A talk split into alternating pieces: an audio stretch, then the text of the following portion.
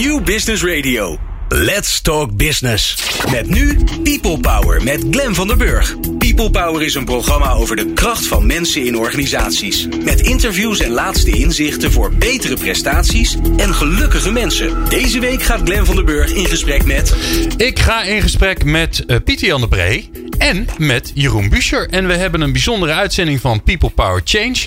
Want ja, we hebben het altijd over de rap veranderende wereld. Misschien moeten we daar ook maar eens een keer mee ophouden om dat elke keer te zeggen. Want dat weten we uit ondertussen toch wel. Maar om mee te kunnen met al die verandering, moeten de meeste organisaties hun manier van werken voortdurend aanpassen. En de grote vraag van People Power Change is: hoe verander je mensen? Want zij zijn het immers die organisaties vormen. En wij zijn het afgelopen jaar, denk ik, zo'n beetje in gesprek gegaan met allemaal leuke change agents. En die vroegen wij dan allemaal, of wij, vooral Jeroen vroeg die ze allemaal: wat heb jij dan nodig om te veranderen? En vandaag uh, dachten wij, het is wel zo eerlijk om in de laatste People Power Change van 2018 ons dat zelf eens af te vragen. Dus je hoort in deze aflevering Jeroen Buscher, Pieter Jan de Bree en mijzelf zijn de gek met de billen bloot. Wij gaan op zoek, op onderzoek naar hoe wij eigenlijk veranderen en ontwikkelen. Dat hoor je allemaal het komende uur. Wil je naar meer luisteren, dan kun je je abonneren op onze podcast via iTunes of Spotify of een van die andere platforms waar we allemaal op zitten. Die vind je vast. Gewoon zoeken naar People Power Podcast, dan komt dat goed. En je kunt ook uh, je abonneren via WhatsApp. Sla ons nummer dan op in je contactpersonen 06 45 66 75 48. Stuur ons een berichtje met je naam en podcast aan. En dan sturen we je de laatste afleveringen zodra ze online staan. Fijn dat je luistert naar People Power. People Power met Glen van den Burg. En Jeroen Buscher. Ja, ja, ja, dames en heren. Wat geweldig, geweldig dat u zelfs in deze koude dagen al uw afspraken gecanceld hebt. En hierbij het warm knappend haardvuur, genaamd People Power Change. Met... Doe je nou een haardvuur? Ja, ja, ja, Oh, dat is een stukje verandering. Nou, uh, wij beginnen altijd. Uh, wij hebben inderdaad in het gesprek altijd een, in dit programma altijd een gesprek met wat wij noemen change agents in goed Nederlands. Mensen die zichzelf katalysator voelen voor een verandering. En de centrale vraag is steeds: hoe doe je dat dan? En toen leek het ons een aardig idee. Leek het mij een aardig idee. Glenn en Pieter Jan een aardig idee. Want verandering gaat uiteindelijk altijd over verandering bij mensen. Je kunt geen organisaties veranderen als de mensen niet iets anders gaan doen. Want anders is het consultancy tijd en gaan we gewoon door zoals we het gisteren deden. Dus verandering zit altijd in mensen. Dus dat wil zeggen dat als wij het over change hebben, wederom in goed Nederlands, dan hebben wij het uiteindelijk over de collectieve veranderkracht van individuen, van mensen. Dus daarom leek het ons een aardig idee over dit thema eens wat diepgravende onderzoek te doen. Mede geïnspireerd omdat ik binnenkort voor de firma Schouten Nelissen een live schrijfsessie uh, heb. Datum is me even ontschoten, maar die uh, commerciële uiting zal ik later nog even voorlezen. Uh, een live schrijfsessie heb waarin wij onderzoek doen naar uh, hoe uh, stimuleer je veranderhonger of leerhonger bij mensen. Dus daarom deze keer is een gesprek over wat heeft een mens nou eigenlijk nodig om te veranderen? En dat sluit mooi aan, want de eerste vraag in, als we studiogasten hebben buiten onszelf, is dan ook altijd: wat heb jij nodig om te veranderen? Dus daarom gooien we hem deze keer maar gewoon eens naar mijn collega-redacteur Pieter Jan. Pieter Jan, wat heb jij eigenlijk nodig om te kunnen veranderen? Ik vind het een hele moeilijke vraag, Jeroen. Wat heb ik nodig om te veranderen? Want ik... Wij zitten hier niet om makkelijke vragen te beantwoorden, Pieter Jan. Nee, maar, maar een goede vraag ook. Ja, het is wel een goede vraag, maar misschien omdat ik er geen antwoord op heb. Wat heb ik nodig om te veranderen? Ja, ik vind hem, ik vind hem te moeilijk. Ik vind hem te moeilijk gesteld. Nou, Glenn, wat heb jij nodig om te kunnen veranderen? Nou, wat ik merk is. Uh, dit wordt, nou, ik, dit ik, wordt ik waarschijnlijk. Je, nee, nee, nee. Ik zal de je radio, voorbeeld. De radio-uitzending met de grootste ja, stiltes. Ja, warning, goed, warning, ja, warning. Dat is goed. Ja, dat is goed. Nou, ik zal je, ik zal je uh, een één ding zeggen wat bij mij in ieder geval werkt. Is dat op het moment dat ik. Uh, ik ben nu twee keer um, in de zomervakantie naar, naar Afrika gegaan. Eén keer naar Mozambique, één keer naar Zuid-Afrika. En dat schudt heel veel door de war. En als ik dan terugkom, dan, dan lijkt het wel alsof ik dingen helderder zie. Maar vooral ook de dingen waar je dan een beetje overheen stapt. Dat je denkt, ja, die zijn nou wel oké okay of zo. Of ik modder een beetje aan. Dus um, er echt even helemaal tussenuit. En dan in een totaal andere wereld. Dat helpt. Um, en mijn eigen. Ja, wat mij, wat mij heel erg helpt om te veranderen is. Ik ben nogal van het doen. Dus ik zeg heel vaak ja op dingen. En ik merk dan bijvoorbeeld eh, dat, eh, dat ik iets heel leuk vind. Dat ik er heel veel energie van krijg. Of niet. Dus daar leer ik van. Dit moet ik vaker doen. Zoals bijvoorbeeld radio maken. Dat is ooit eens een keer begonnen.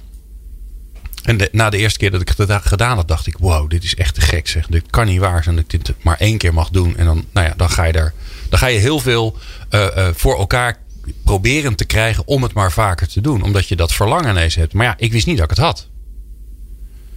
Dus, dat, dat, nou ja, dus, dus enerzijds eh, afstands, anderzijds vooral ervaren. Ik, ik zelf moest denken aan dat ik... Ik ben sinds kort een, ehm, een cursus aan het volgen. En eh, ik, ik, eh, ik volg liever geen cursussen, ik geef ze liever. En tegelijkertijd is ook dat de reden waarom ik die cursus volg. Omdat ik weet dat als ik mij in de handen van een andere leermeester eh, laat vallen, dat, dat het een bijzondere reactie bij me opneemt. Want wij hebben het vaak in de organisatie over weerstand. En het gekke is dat ik weet dat op het moment dat ik vrijwillig kies om iets nieuws te gaan doen. Hè, en, en leren zie ik als veranderen. Dus, dus de, of ik nou op cursus ga of wat dan ook. Dat verandert iets in hoe ik kijk en hoe ik doe. Want ik leer iets bij. En ik denk, zo heb ik het eigenlijk nog nooit gezien. Dus er verandert iets voor mij.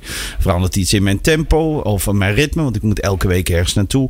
Maar ook in mijn inzichten. Het grappige is dat ik ben net twee weken geleden begonnen. Dat ik een enorme weerzin, weerstand in mijzelf gewaar werd. En dat ik me ook gelijk herinnerde dat ook ik op het moment dat ik in een nieuwe situatie zit die mij, die mij verandert. Of ik nou voor die situatie heb gekozen of niet. Dat roept weerstand tegen mij op. En dat is, je kan niet, want, want we zeggen wel eens in organisaties: ja, weerstand komt er omdat mensen niet veranderd willen worden. Nou, ik durf dat tegenwoordig te nuanceren. Ik denk dat gewoon elke verandering gewoon als reflex weerstand oproept in mijzelf. Ja, ik denk dat dat ook bij mij gebeurde toen jij vroeg van uh, wat heb jij nodig om te veranderen. En dat is mijn eerste reactie. Ik ben uh, best wel anti-autoritair, uh, krijg ik wel eens te horen. En dat zit er heel erg in. En, en ik ben heel erg van het leren en van veranderen, maar wel omdat ik er zelf zin aan geef, dus betekenis. En als, in, als iets moet, dan gaat het aan. En, ik, en het houdt me best wel bezig de laatste tijd. Want ik ben, uh, zoals jullie weten, meer gaan sporten. Ik ben gaan tennissen. Ik kom, er zijn veel meer. Hè, ik ben met Glenn gaan samenwerken intensiever. Dus ik kom mezelf op heel veel uh, momenten veel meer tegen. En um, dat houdt me heel erg bezig. Uh, van, heeft te maken met mijn identiteit. Heeft het te maken met die woede die ik dan zo voel. Hoe gebruik ik die effectief? Want ons werk gaat over mensen. Dus ook over mezelf. Dus het gaat over mezelf leren kennen. Dus ik denk meer dan gemiddeld ben ik daarmee bezig. En, en ik vind het ook interessant. Maar ook daardoor ook. Oh, ik heb vorige week. Ik vertelde het vanmorgen. Ik was vorige week zo boos. Dat ik heel hard met mijn voet tegen een deur aantrapte. Mezelf dus enorm pijn deed. Bijna meteen heb gebroken. Omdat, maar ik vind het ook interessant. Was dat toevallig de deur hier, de voordeur van de studio? nou, die is wel kapot, is, ja, ja, maar dat, is, dat was hem niet. Ik kwam aanlopen, dames en heren. En er zat een enorm gat in de voordeur. Dus ik dacht dat Glenn weer met zijn kop ergens doorheen probeerde te gaan. Maar goed. Uh, ja, het grappige is... Um, het, het is natuurlijk... Het, het is een, een zelfgekozen verandering. Maar uiteindelijk ervaart je systeem hem als iets wat van buiten komt. Dus het, ja. het, ik word veranderd omdat die docent zegt... nou, kom allemaal maar eens even staan. En, en ik denk ook wel dat dat, dat iets je leert hoe het systeem... je eigen systeem in elkaar zit. Dat, dat houdt vast aan wat het kent. En dan kunnen ja. we allemaal verheven zeggen... we moeten leren, we moeten ontwikkelen. We schrijven er boeken over. Ja. Maar verdorie, hier zit een mannetje in mij. En die zegt, leren, niks ervan. Veranderen, niks ervan. Ja. Ik hou hem vast. Ja. Ja, en de vraag is dan, hè, wat ik me wel af, afvraag, want jij hebt voor deze, uh, deze cursus, hè, hoe je dat woord alleen al uitspreekt, daar word je al bijna misselijk van volgens ja, mij. er kwam ook wat maagzuur naar boven. Ja, daarom, woord, dat dacht ik al. Maar jij, jij hebt ervoor gekozen. De vraag is natuurlijk ook, waarom doe je dat? Hè? Dus waarom zoek je dat op? Want het kan ook best zijn dat die vorm die er is van dat cursus en daarheen moeten, dat dat eigenlijk, hè, dat je straks over een paar weken achter, terugkijkt en denkt, ja, ik had het eigenlijk kunnen weten. Dit past helemaal niet bij mij. Zeker. Ik heb een keer drie maanden yoga gedaan. Nou, sorry, er zijn veel dingen voor mij, maar niet alles. Nou, het, Het- Ik ben blij dat ik het tegenwoordig signaleer.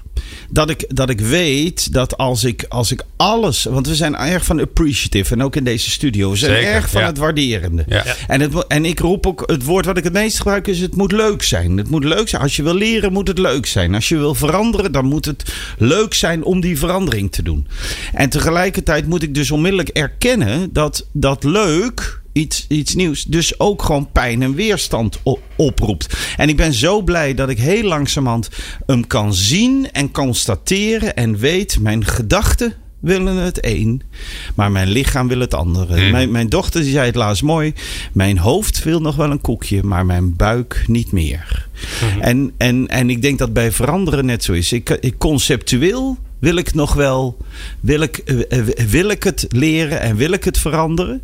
En, en wil ik verbaasd worden en wil ik in beweging zijn? Maar mijn systeem spartelt tegen. En op het moment dat ik dat systeem gerust kan stellen, dan wordt het de euforie van het nieuwe en de verbazingen. En oh, wat mooi, want je bouwt referentiekader op. En zo wordt dan die verandering steeds betekenisvoller. Maar in het begin is, het, is, is weerstand inherent onderdeel van dat veranderen. Ja, ik ben het met je eens. Als we dat niet erkennen hè, dus we, eh, eh, En zien. en zien, dan, eh, dan gebeurt er niks. Het is een beetje zoals je, eh, als je, als je kijkt naar een, eh, een, een terrein of je kijkt, je moet, je moet een, een gewas wil je oogsten, dan moet de grond ook een beetje gezond zijn. Wil je daar profijt van hebben? Ja, die moet eigenlijk een beetje rot, hè? Nou ja, wij- ja, toch? Hij moet inderdaad, eh, hij moet, in, die zin, om iets te laten kunnen bloeien, moet het natuurlijk een gezonde grond zijn. En als we alleen maar denken dat het gewas, dat waar, hè, wat je wil oogsten, dat je dat in de grond stopt zonder dat je daar aandacht aan schenkt, ja, dan, dan krijg je dus niet het gewas wat zo gezond is als wat je wil, volgens mij. Toch? Ja, als, en als wat wel- analogie. Dat is wel een mooie metafoor, eh, Pieter Jan. Want eh, wanneer is de grond gezond? Als er een heleboel oude zooi in zit. hè? Ja, Ou- ou- oude zit rotten. gewassen die, Ja. die al lang dood zijn. Ja. Daar, daar groeit het lekker op. Ja, waar je, dus eh, waar je dus ook lekker in kan wortelen, zo, toch? Ja. Waar- ja, ja, Ja. eens. Ja, waar ik wel aan moest denken, Jeroen. Ik ben, eh, ik ben, ik ben eh, weer aan het schrijven begonnen. Ik, ik had het boek al lang af moeten hebben. Maar ik ben weer aan het schrijven begonnen aan het volgende boek. eh, Hoe werkt de mens? En ehm, eh, dan luister ik ook alle gesprekken met, eh, met Rick van Baren. eh, die, die daarover gaan. Want we zijn het boek samen aan het schrijven. Die luister ik dan terug. En, en ik, had, ik had net een stuk teruggeluisterd over ons denken. Waarin hij uitlegt hoe het bewuste en het onbewuste werken. En daar vond ik wel heel mooi dat ik dacht, ja, zo zit het ook. Dat, dat hij zegt, ehm, ons bewuste denken is natuurlijk het enige wat we kennen. Hè? Dat is een beetje het ingewikkelde. Maar dat bewuste denken, dat heeft niet zo'n hele sterke verbinding met gedrag. En dat is maar goed ook. Want wij kunnen, hè, wij, kunnen allerlei scenario's voorspiegelen. Ga ik wel of niet naar die cursus? Wat gebeurt als ik wel ga? Wat gebeurt als ik niet ga? Wat is het alternatief? Dat kunnen we ons allemaal bedenken, al die scenario's. En dan kiezen we er één. En daar kunnen we dan ons gedrag een beetje naartoe sturen. Maar dat wil niet, zeggen, niet zeggen dat het ook daadwerkelijk gebeurt. En dat vind ik wel eens eh, opvallend. In, hè, omdat het, eh, het brugje naar organisaties. Als je ziet hoeveel energie er gaat zitten in maar steeds het bestoken van, dat, van ons bewuste denken. Van het moet anders. Terwijl we weten Mhm. dat die verbinding met gedrag heel dun is. Ja. Ja. En er wordt zo weinig, nou ja, ik weet niet hoe jij dat doet Jeroen in je praktijk, maar er wordt zo weinig ingezet op laten we dat onbewuste beïnvloeden. Ten eerste, dan is er geen weerstand. Want als je onbewuste meegaat, ja, die gaat gewoon mee. Je hebt het niet door. Dat is het interessante ervan. Maar het gebeurt heel weinig. Nou, weet je wat ik ontdekt heb?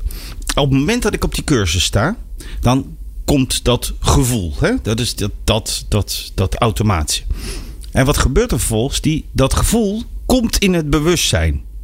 En dan gaat het, gevoel gaat argumenten aanmaken. Zeggen ja, is ook een kutcursus. Of eh, ja, die docent. Dat Hoe duurt ook allemaal te lang. En het stinkt hier naar zweet. Daar ga je toch niet de hele dag tussen staan.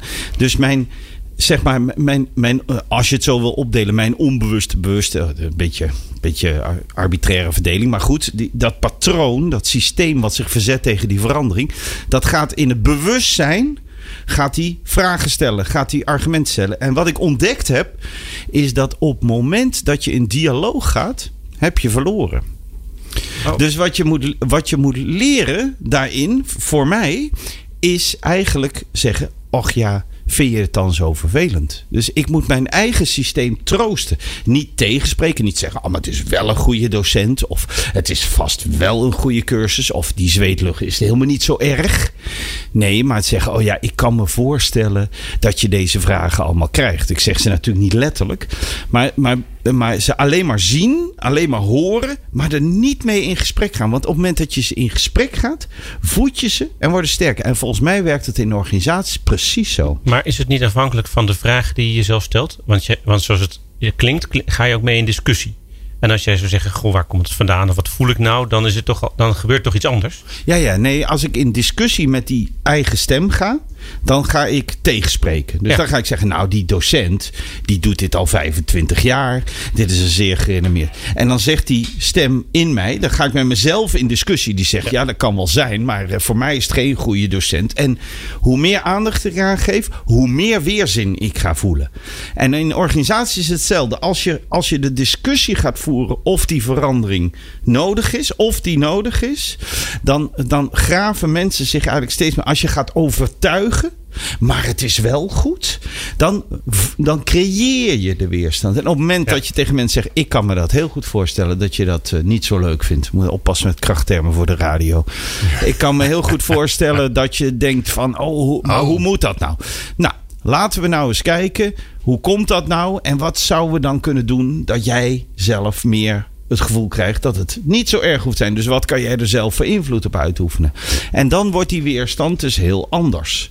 Dus, dus wat er in mij gebeurt, dat, zie ik, dat herken ik dan buiten mij in organisatie. En veel te vaak zijn we propaganda aan het voeren. Ja. De verandering is wel goed. Ja hoor. Ja. Het moet, burning platform.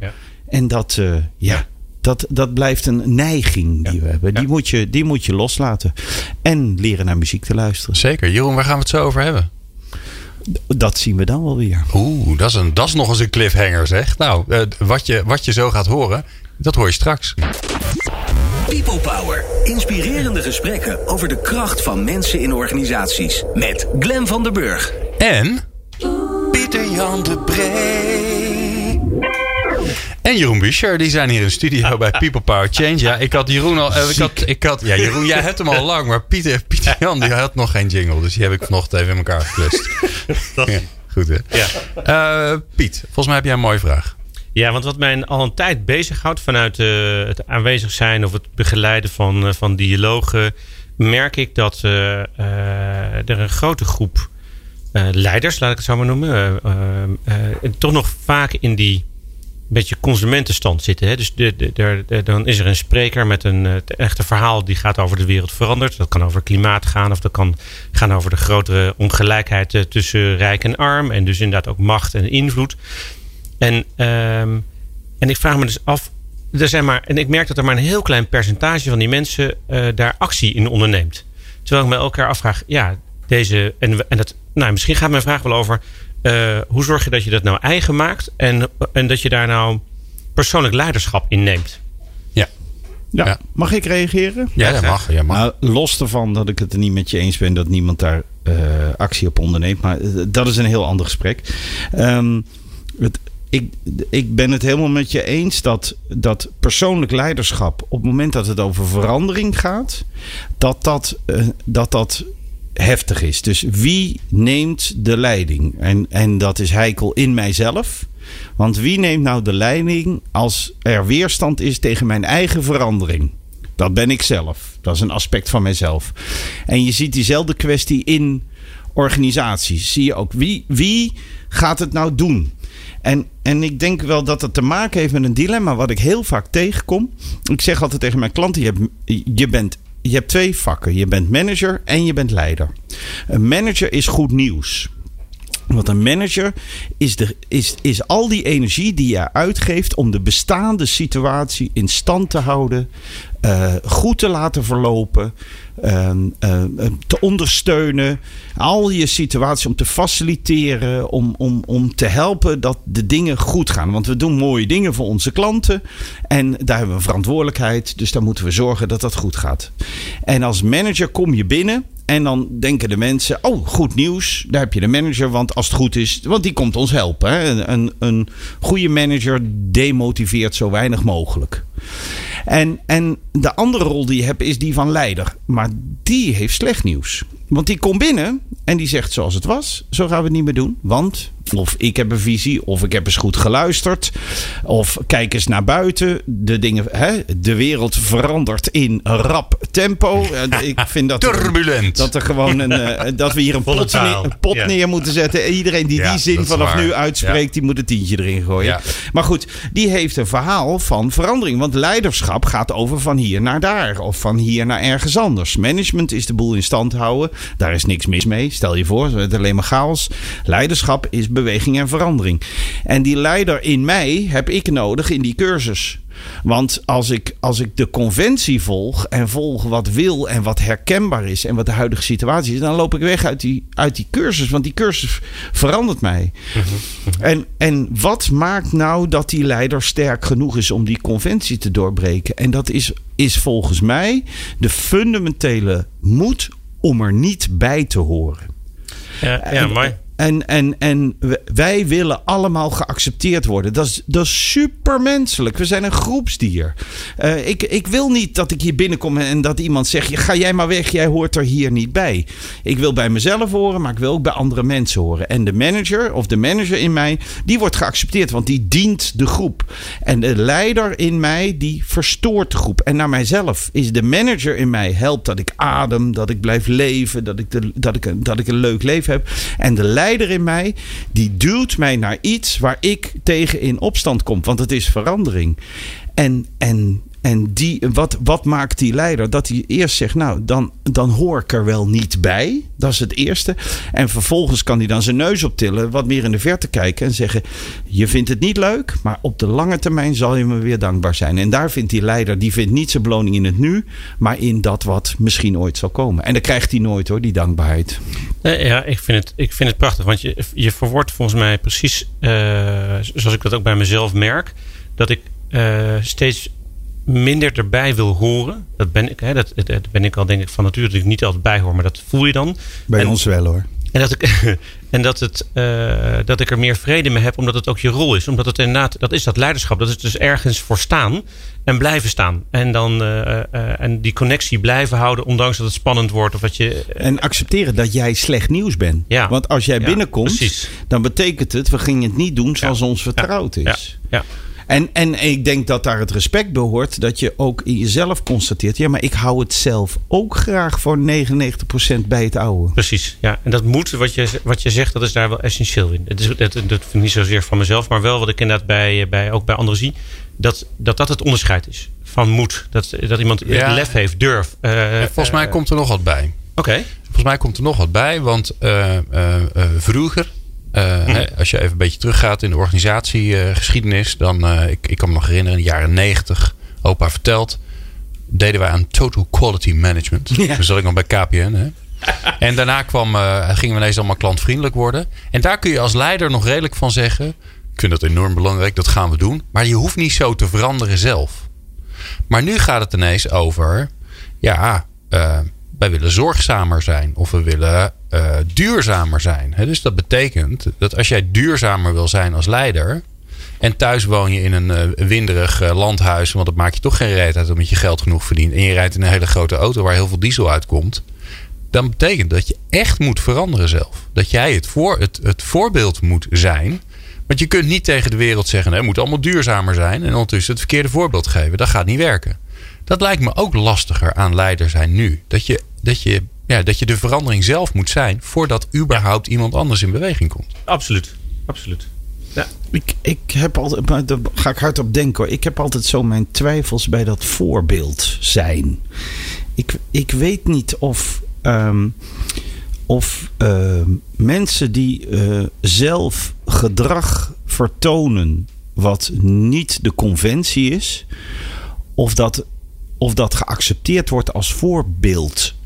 Nou, Dus ik denk ik- heel ik- vaak niet. Want Nee, anders zou iedereen eh, continu aan het veranderen Het is, zijn. het, is, het is bij uitstek deviant gedrag. Ja. Het is bij uitstek als jij iets doet en 99% het niet, dan is het niet zo dat, dat jij iets moedigs doet of iets, je vertoont afwijkend gedrag. Ik, ik zag een hele mooie video, dit schiet me ineens te binnen. Er was een neuroloog en dat ging over ehm, mensen met achterstand op de arbeidsmarkt. En zij is neuroloog en zij zei: ehm, er is evolutionair een reden waarom ADHD en, en uh, zaken op het autisme-spectrum bijvoorbeeld, waarom die bestaan. Heel simpel voorbeeldje: iemand, uh, mensen met een iets op het autistisch spectrum, die kunnen doorgaans heel goed informatie opslaan. Nou, spoel je de band even 10.000 jaar terug, dan is het voor een stam, voor een gemeenschap in die tijd gigantisch belangrijk, aangezien de harde schijf nog niet bestaat. Er ook geen papiertje bestaan waar je iets op kan schrijven, niet eens taal, geschreven taal bestaat. Is het ongelooflijk belangrijk dat er iemand in het midden is die informatie kan opslaan. Dus uh, uh, uh, in, de, in, de, in de reproductie is het belangrijk dat mensen met die hersenstructuur, dat die bestaan, want die hebben een waarde in de gemeenschap. Bij wijze spreken, als iemand een, een, iets kan wat niet bijdraagt aan de gemeenschap, dan, uh, dan wil geen uh, vrouwtje of geen mannetje, de mannetjes jagen je weg en de, en de vrouwtje willen niet met je fokken. Dan zijn jouw genen snel uitgewoekerd. Er moet een reden zijn waarom die wat wij afwijking noemen, zo lang bestaat. Mhm. En, en zij zei: Wij hebben als context een probleem als wij denken dat dat een afwijking is. En dat zette me wel aan denken. Ze zei: Nee, het is een speciale kwaliteit. iemand kan verspringen, of kan heel hoog zingen, of kan heel veel onthouden, of kan, zoals bij ADHD, heel goed associatief denken. Is alleen associëren, associatief, ja, associërend denken. Kan alleen misschien wat minder convergeren en het bij elkaar brengen. En um, het is ook, een, uh, het is ook een, een mentaliteit waarin je, waarin de, waarin je in die zin wel weer waarderend, waarin de, de afwijking, en of dat dan leiderschap heet of niet aan de norm voldoen, um, als, waar, als potentiële waarde ervaren wordt. En dat, dat, dat probeer ik bijvoorbeeld in mijn eigen hmm. leven als ik een dissonant voel, als ik weerstand voel, ben ik mezelf aan het trainen om die weerstand te onderzoeken. Want ik denk, daar zou wel eens wat te leren kunnen zijn. Dus als ik, als ik weerzin voel, is dat eigenlijk een belletje. Hier zou wel eens wat interessants om de hoek zijn. Terwijl mijn neiging is bij iets weerstand. Hier moet ik vanaf blijven. Hier, moet ik, hier word ik ziek van. Of dit is niet goed. En, en, en dat is nogal een op, opdracht. Want als je, als je in een organisatie zit en je voelt die weerzin tegen iets opkomen, om dan de discipline en de moed te hebben om te zeggen: Oh, ik verzet mij.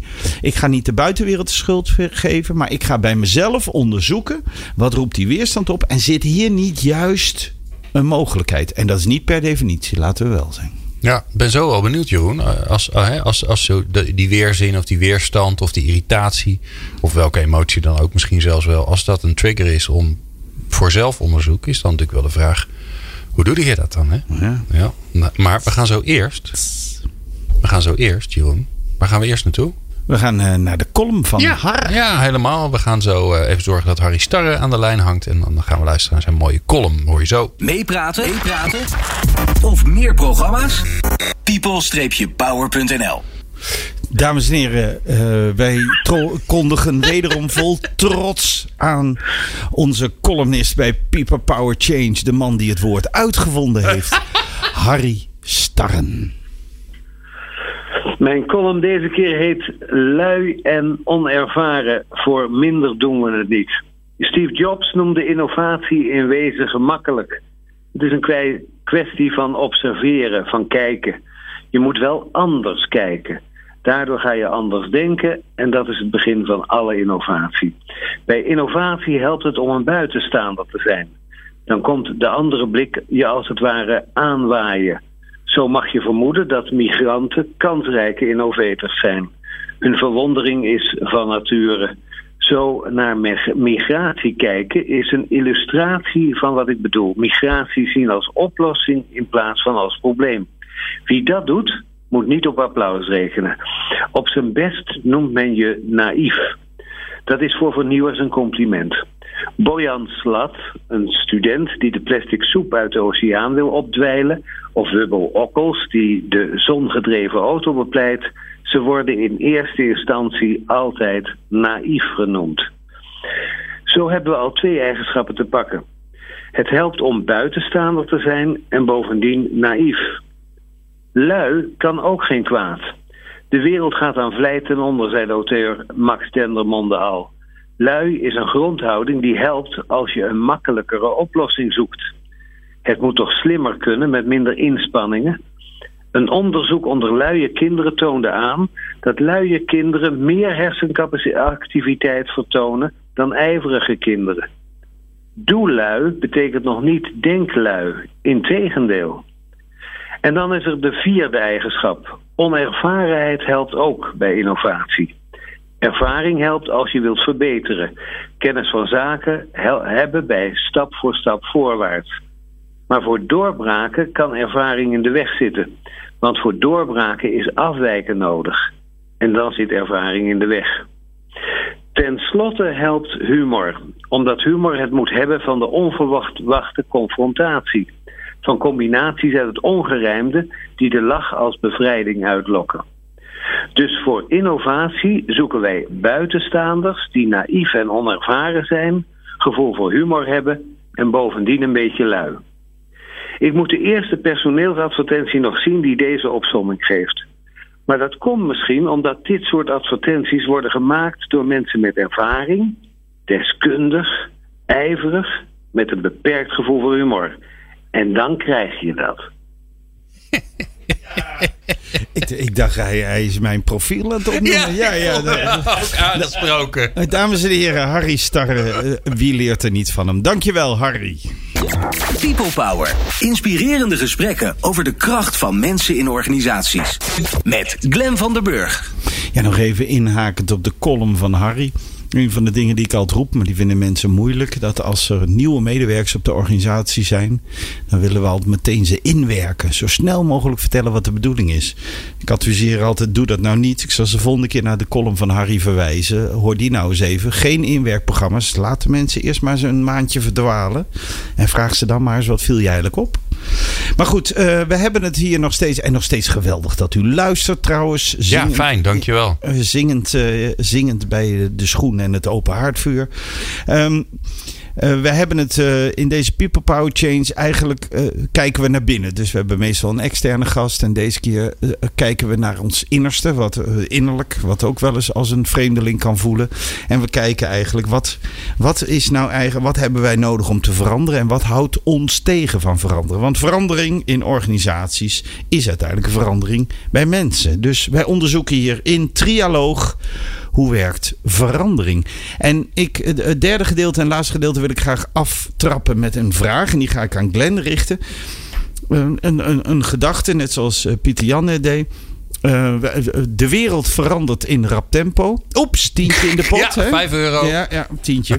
tientje ook. Um, um, is het niet te veel? Het is ook aangetoond dat de wereld inderdaad sneller. De veranderingen volgen elkaar sneller op. Dat kan je meten blijkbaar. En een gedegen onderzoek heeft dat aangetoond.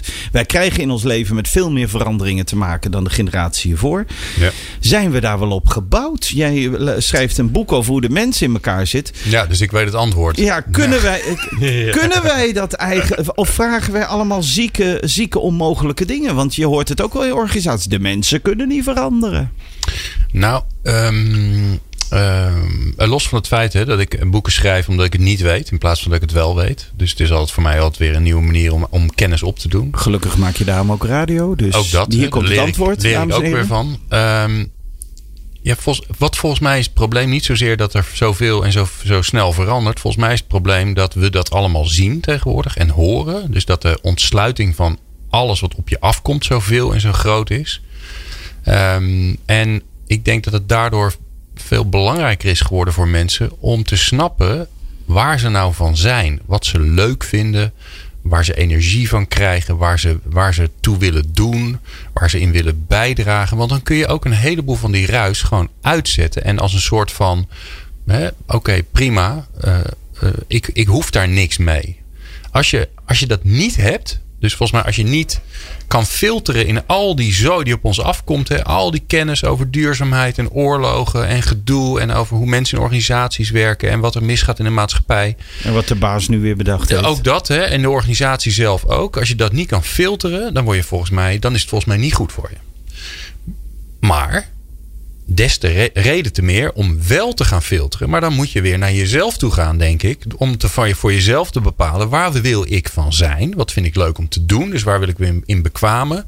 En waar wil ik aan bijdragen. Dus, dus welk gedeelte van de maatschappelijke vraagstukken is voor mij relevant.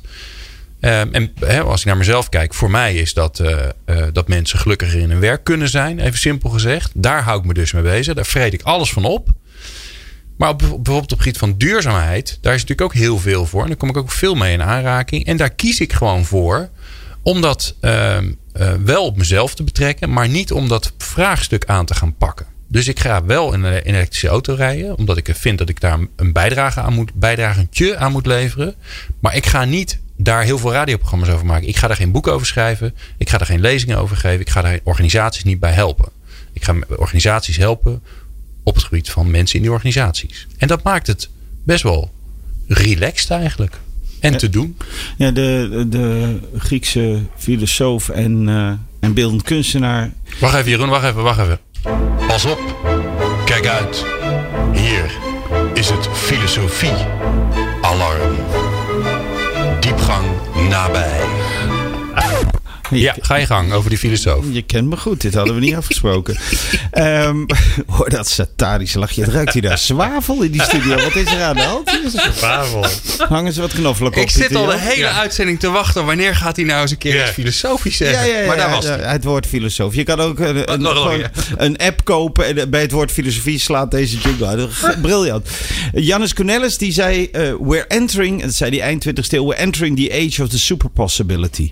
Hij zei, we- in, onze, in de geschiedenis der mensheid is schaarste altijd centraal geweest in ons leven en in onze gemeenschappen. Wij hebben eh, al, heel veel energie en, en creativiteit altijd gericht op het overwinnen van schaarste.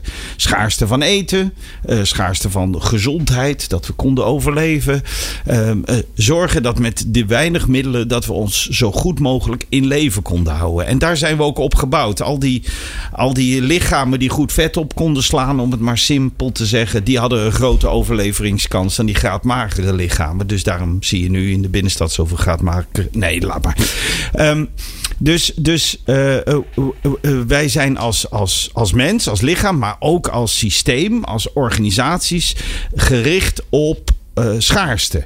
En daarom ook gericht op fouten. Want we moeten zorgen dat het niet weglekt. En, eh, maar hij zegt, we, we gaan echt paradigmatisch in de 21ste eeuw naar een heel nieuw probleem. En dat is de super possibility. Het probleem is niet dat we niet genoeg hebben. Het probleem is, precies eigenlijk wat Glenn aanroert, is dat we een vermogen om te kiezen moeten gaan ontwikkelen. Wat we wel doen en wat we niet doen. Ik illustreer hem altijd dat, dat, dat ik zeg: dan ga je naar een of andere koffiecompany. En dan, dan kan je de boel echt flink oproeren. Dan moet je voor de counter gaan staan. En dan zeg je tegen vaak 18-jarige, eh, breed enthousiast eh, eh, lachende mensen met strakke t-shirts aan. Zeg je van: eh, Ik wil graag koffie. Nou, de, de echt paniek, paniek in de tent. Weet je wel? Echt, echt, Nee, je ze- krijgt, je krijgt 300 vragen. Ah, ja, helemaal overstuur zijn ze. Nee, ik zeg, het staat hier op de gevel, Coffee Company. En, en jullie hebben geen koffie. Hoe kan dat dan? Nou, nou, nou. Ze hebben, het laatst werd mij serieus. Hè, was er een, een meisje van 18 jaar die ging me uitleggen. Er stond op dat bord een vreemde term. Ik zei, wat is dat? Ze zei, ja, dat is iets volkomen nieuws. Iets weer iets volkomen nieuws. Een andere koffiebeleving. Ik zeg, vertel, ik ben geïnteresseerd. Ik ben gek op vernieuwing. Zei ze, nou, dat werkt als volgt. Wij, eh, het is een soort houder. Die zetten wij op een pot. En daar gaat een. een- een- je voelt hem wel aankomen. Slow daar gaat papier coffee. in. En daar, gaan, daar, daar malen wij koffie op een speciale eh, maaldichtheid. Oh ja? En daar gieten wij warm water Ja. op. En een vriendin waarmee ik was, die gilde het uit. Die zei: Volgens mij maak ik dit al 50 jaar in mijn, eh, mijn keukentje. En niemand Je die. Maar, maar we, we, we have entered definitely the, the age of the super possibility. En het is de vraag of, of, wij, of wij dat ons wel genoeg realiseren. Want wij vragen een, eh, een, een wezen wat eigenlijk op schaarste gericht is. En zegt, en het is ook aangetoond, als je twintig eh, soorten jam neerzet, verkoop je minder als, Ja, als drie. dat, dan Ja. dat je drie Drie is beter. drie neerzet.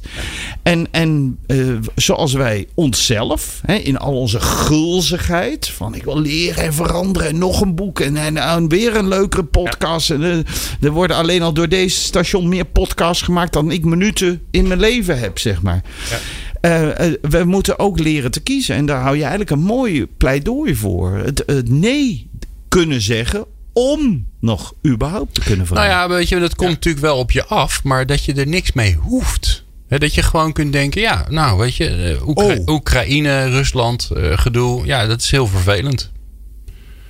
En vind je daar dan niks van? Ja, ik vind het vooral heel vervelend voor al die mensen die daar wonen en zo. En eh, goh, maar doe veel- je er dan niks aan? nee. Nee, ik doe er niks aan. Ik Nee, kies. Dat is aan anderen. Ik kan niet alles. Dat word ik gek. Ja. Dus mijn bijdrage ligt ergens anders. Het is een van de grote eh, stressfactoren bij millennials, heb ik gehoord. Ja, dat is het. Dat die, die kijken op Facebook en die zien al die activistische eh, eh, en feesten bezoekend en zeehondjes reddende collega's. En dat tegelijk, hè? En ze denken dat zij dat allemaal moeten. En Ja. dat maakt ze gek. Ja. En, en dat vind ik heel herkenbaar. Ik heb jarenlang alleen maar achtergelopen in boeken, in video's. In dat, en dat is niet meer zo hoor. Ik loop niet meer achter. En waar kies je dan voor, Jeroen? Eigenlijk heb ik wel geleerd dat, eh, dat kiezen eh, gewoon in het nu zit. Dus wat speelt nu? Waar, waar, waar is nu de honger naar? Wa- wat wil ik nu? Dat vind ik een Eh, mooie vraag. Waar heb je nu honger naar? Wat, waar ben je mee bezig? Wat, wat vreet je nu op? ehm, In je doen, hè? Dus in je ja, gedrag. Ja, nou, in, in, eh, hoe bedoel je? In- Nou, gewoon. Ja, bedoel, je, hebt ook, je bent ook druk met je werk en weet ik wat allemaal. En zo nu en dan zit je in de auto of je bent thuis en dan heb je even. En dan, en dan doe je wat. Dan ben je bezig met, je, eh, ja, met iets. Met je om te ontwikkelen, met, met kennis tot je nemen, met nieuwe Ja, maar ontwikkelingen. dat is, hap, dat is hapsnap. Ja. Dus mijn, mijn systematiek is hapsnap. Omdat dat, dat wat op dat moment speelt. Maar ik kan je wel een paar noemen. Ja, maar wat, Op het moment ben ik heel geïntrigeerd door al die, eh, die systemen. Zoals bijvoorbeeld het racistische systeem met die kleuren leren. Hè? Oh, jij bent een blauwe, jij bent een rode. ja. En. Ja, Ook ja, ja. Insights. Al al de, al de, zeg maar fascisme, eh, de, ook zo'n systeem. Het, allemaal hetzelfde soort systemen zijn dat in mijn ogen altijd. En ik, ik, moet gaan, ik, ik ben aan het onderzoeken omdat ik denk, hé, maar daar zit wel waarde aan. Er zijn heel veel mensen die, behalve hun, hun eh, racistische bevrediging, daar ook iets mee kunnen. En eh, dat vind ik interessant. Van, ik heb eh, me altijd verzet tegen bepaalde dingen. eh, tegen bepaalde systemen. Zoals bijvoorbeeld een kleurenleer. En ik, eh, ik, ik denk van... hé, dat is toch wel interessant. Zou ik er wat mee kunnen? En dus in, in die zin is het waar ik voor kies. Dat ik denk, hé, dit roept weerstand in me op. Vind ik eigenlijk wel interessant. Eh, heb ik altijd terzijde geschoven. Maar nu vind ik het wel eens interessant om bij de kop te nemen. Oké. Piet, wat vreet jij op nu? Ehm, nou, ik zat er net over na te denken. Ik, eh, de boeken die mij de laatste tijd geïnspireerd hebben, is Durf het verschil eh, te maken van Marlijn Bilieu, die hier ook in de uitzending was. Eh, Ja. Ook door de titel. En het boek van Otto Scharmer, want dat gaat hier ook over. Hè? Het is- gaat over het bewust Ja, onderzoeken. en jij hebt hem gesproken. hè? Ik heb hem gesproken, maar dat was een cadeautje meer. En ik, opgenomen. en opgenomen. Ehm, maar daarom zeg ik niet. Nee, het, zit, het gaat over het, eh, het onderzoeken van, eh, van mijn eigen gedachten, mijn eigen gedrag. En eh, precies waar Jeroen het over heeft. Dus dat houdt mij nu bezig om eh, iets mee te doen. En Dat, het kwaad. Daar ben ik ook mee bezig. Het kwaad, ben je ook mee We bezig? hebben een boek van Safransky aan het lezen over het kwaad. En eh, bij, bij verschil meer, ik heb een boek gekocht van. Het gaat nu allemaal over boeken, terwijl ik zeg altijd: lezen is overrated. Maar eh, over hoe de hel in Japan eh, verbeeld wordt. En ehm, het, het concept van het kwaad boeit mij op het moment heel erg. Hmm, vandaar dat je mij vergeleek met Lucifer. Nou, vergeleken. Het rook, Ja, maar hier, jij- het rook hier gewoon alleen maar heel erg. maar, Jeroen, wat ik wel mooi vind, jij, jij zegt nu van eh, ja, eh, lezen is eh, niks waard. Eh, je zei het anders, maar. Overrated. Overrated. Terwijl, ehm, wat ik juist ervan vind, en dat, dat woord gebruik jij zelf volgens mij ook altijd. Ik vind het wel voedend. Dus je kan er, hè, dus je, de- de- de- uiteindelijk is het voeding voor je ziel, voor je geest. En is het wel inspiratie, toch? Dus eh, het is misschien overrated, maar als je, eh, eh, je, als je een, een goed boek leest, ja, dan, dan kan je wel enorm van genieten, vind ik. Dan voel ik me wel verrijkt. buiten kijf. Nee, maar de overrated wil alleen maar de, de, de, zeg maar de sociale chantage die mensen op anderen toepassen door te zeggen dat Hmm. oh, ze je hebt veel hem niet boeken- gelezen. Lees boek? ze- Oh, ja, ja, ja, maar ook dat ze veel Ja. boeken lezen Ja. en dat ze denken dat ze daarmee moreel en eh, intellectueel Ja. superieur zijn geworden. Terwijl je van YouTube kan je een intellectueel worden. Ja, ja. Nou, dan zal, Ja, ik, zal ik maar eh, dan gelijk afsluiten, want ik lees bijna geen boeken. Maar ik luister wel veel. En ik ben ondertussen eh, behoorlijk verslaafd aan het raken aan de Harvard Business Review podcast. Ja. Of, eh, die heet eigenlijk de Ideacast. En ehm, ik, ik sla er ook wel eens een over, want dan gaat het ergens over. Denk, ik, nou, hm, vind ik niet zo heel interessant. Ehm, maar het leuke is wel, die kijken natuurlijk vooral naar organisaties. En dan, dan komen alle aspecten langs. Het gaat over innovatie, het gaat over engagement, het gaat over leiderschap. Het zijn allemaal mooie onderwerpen waar ik. En, en soms gaan ze net een beetje off-topic. Ehm, en, van, en vandaag luisterde ik naar een, ehm, een podcast waarin ze Jerry Seinfeld eh, interviewen. Uh, voor de jongere luisteraars. Dat is een, een comedian die een hele populaire show heeft gehad uh, in de jaren negentig. En die maakt nu een nieuw programma. Comedians in Cars Getting Coffee. Overigens ook erg leuk op Netflix te zien.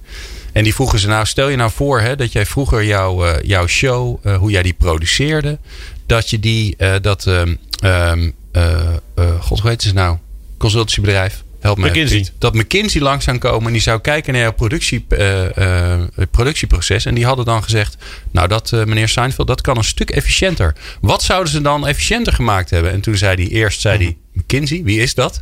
Want hij komt uit een andere wereld. Mooi, hè? En daarna zei hij: Ja, nee, het gaat niet om efficiëntie. Dat is totaal onzin. Het, het, moet, juist, het moet juist ingewikkeld zijn. Het moet, het moet een beetje lastig zijn. Het moet zwaar zijn. Want dan komt er iets moois uit. Dan komt er een mooi product uit. Dat vond ik wel een mooi inzicht. Nu weer. Nou, vandaag vond ik het een ongelooflijk zware aflevering met jullie. Maar niet heus. Uh, heren, mag ik jullie bijzonder bedanken. En als ik dat dan zeg, dan denk ik altijd aan Mart, Mart Smeets. Dan gaat er automatisch in mijn hoofd af. Ja, dat mag ik. dus, Stom is oh, dat, hè? ja, ja, uh, Jeroen Buscher uh, en Pieter Jan de Bree. Uh, bijzonder leuk dat we samen een uurtje hebben gemaakt. Jeroen, we horen jou straks in de volgende aflevering alweer terug met je column. Dus ik ben heel benieuwd, waar, waar gaat je column over? Filosofie alert. ja? Oké, okay, dus die kan ik straks gewoon nog een keer gebruiken. Dus Ah, fijn dat ik die jingle niet één keer hoef te Ah, doen. absoluut. Uh, in het volgende, uh, volgende aflevering van uh, People Power gaan we het hebben over, het lijkt er een beetje op, over identiteit. Hoe beïnvloedt je identiteit, je verhaal, jouw ontwikkeling en inzetbaarheid? En hoe kunnen privé en werk uh, el elkaar beïnvloeden? Anne van der Horst van ELO is de gast en Douwe Snoek van Snoek Puur Groen. Die ga je horen via de telefoon. Dat allemaal in de volgende aflevering. Dus ik hoop dat je blijft luisteren. En natuurlijk kun je al onze afleveringen vinden op onze website peoplepower.radio. Meepraten of meer programma's? people-power.nl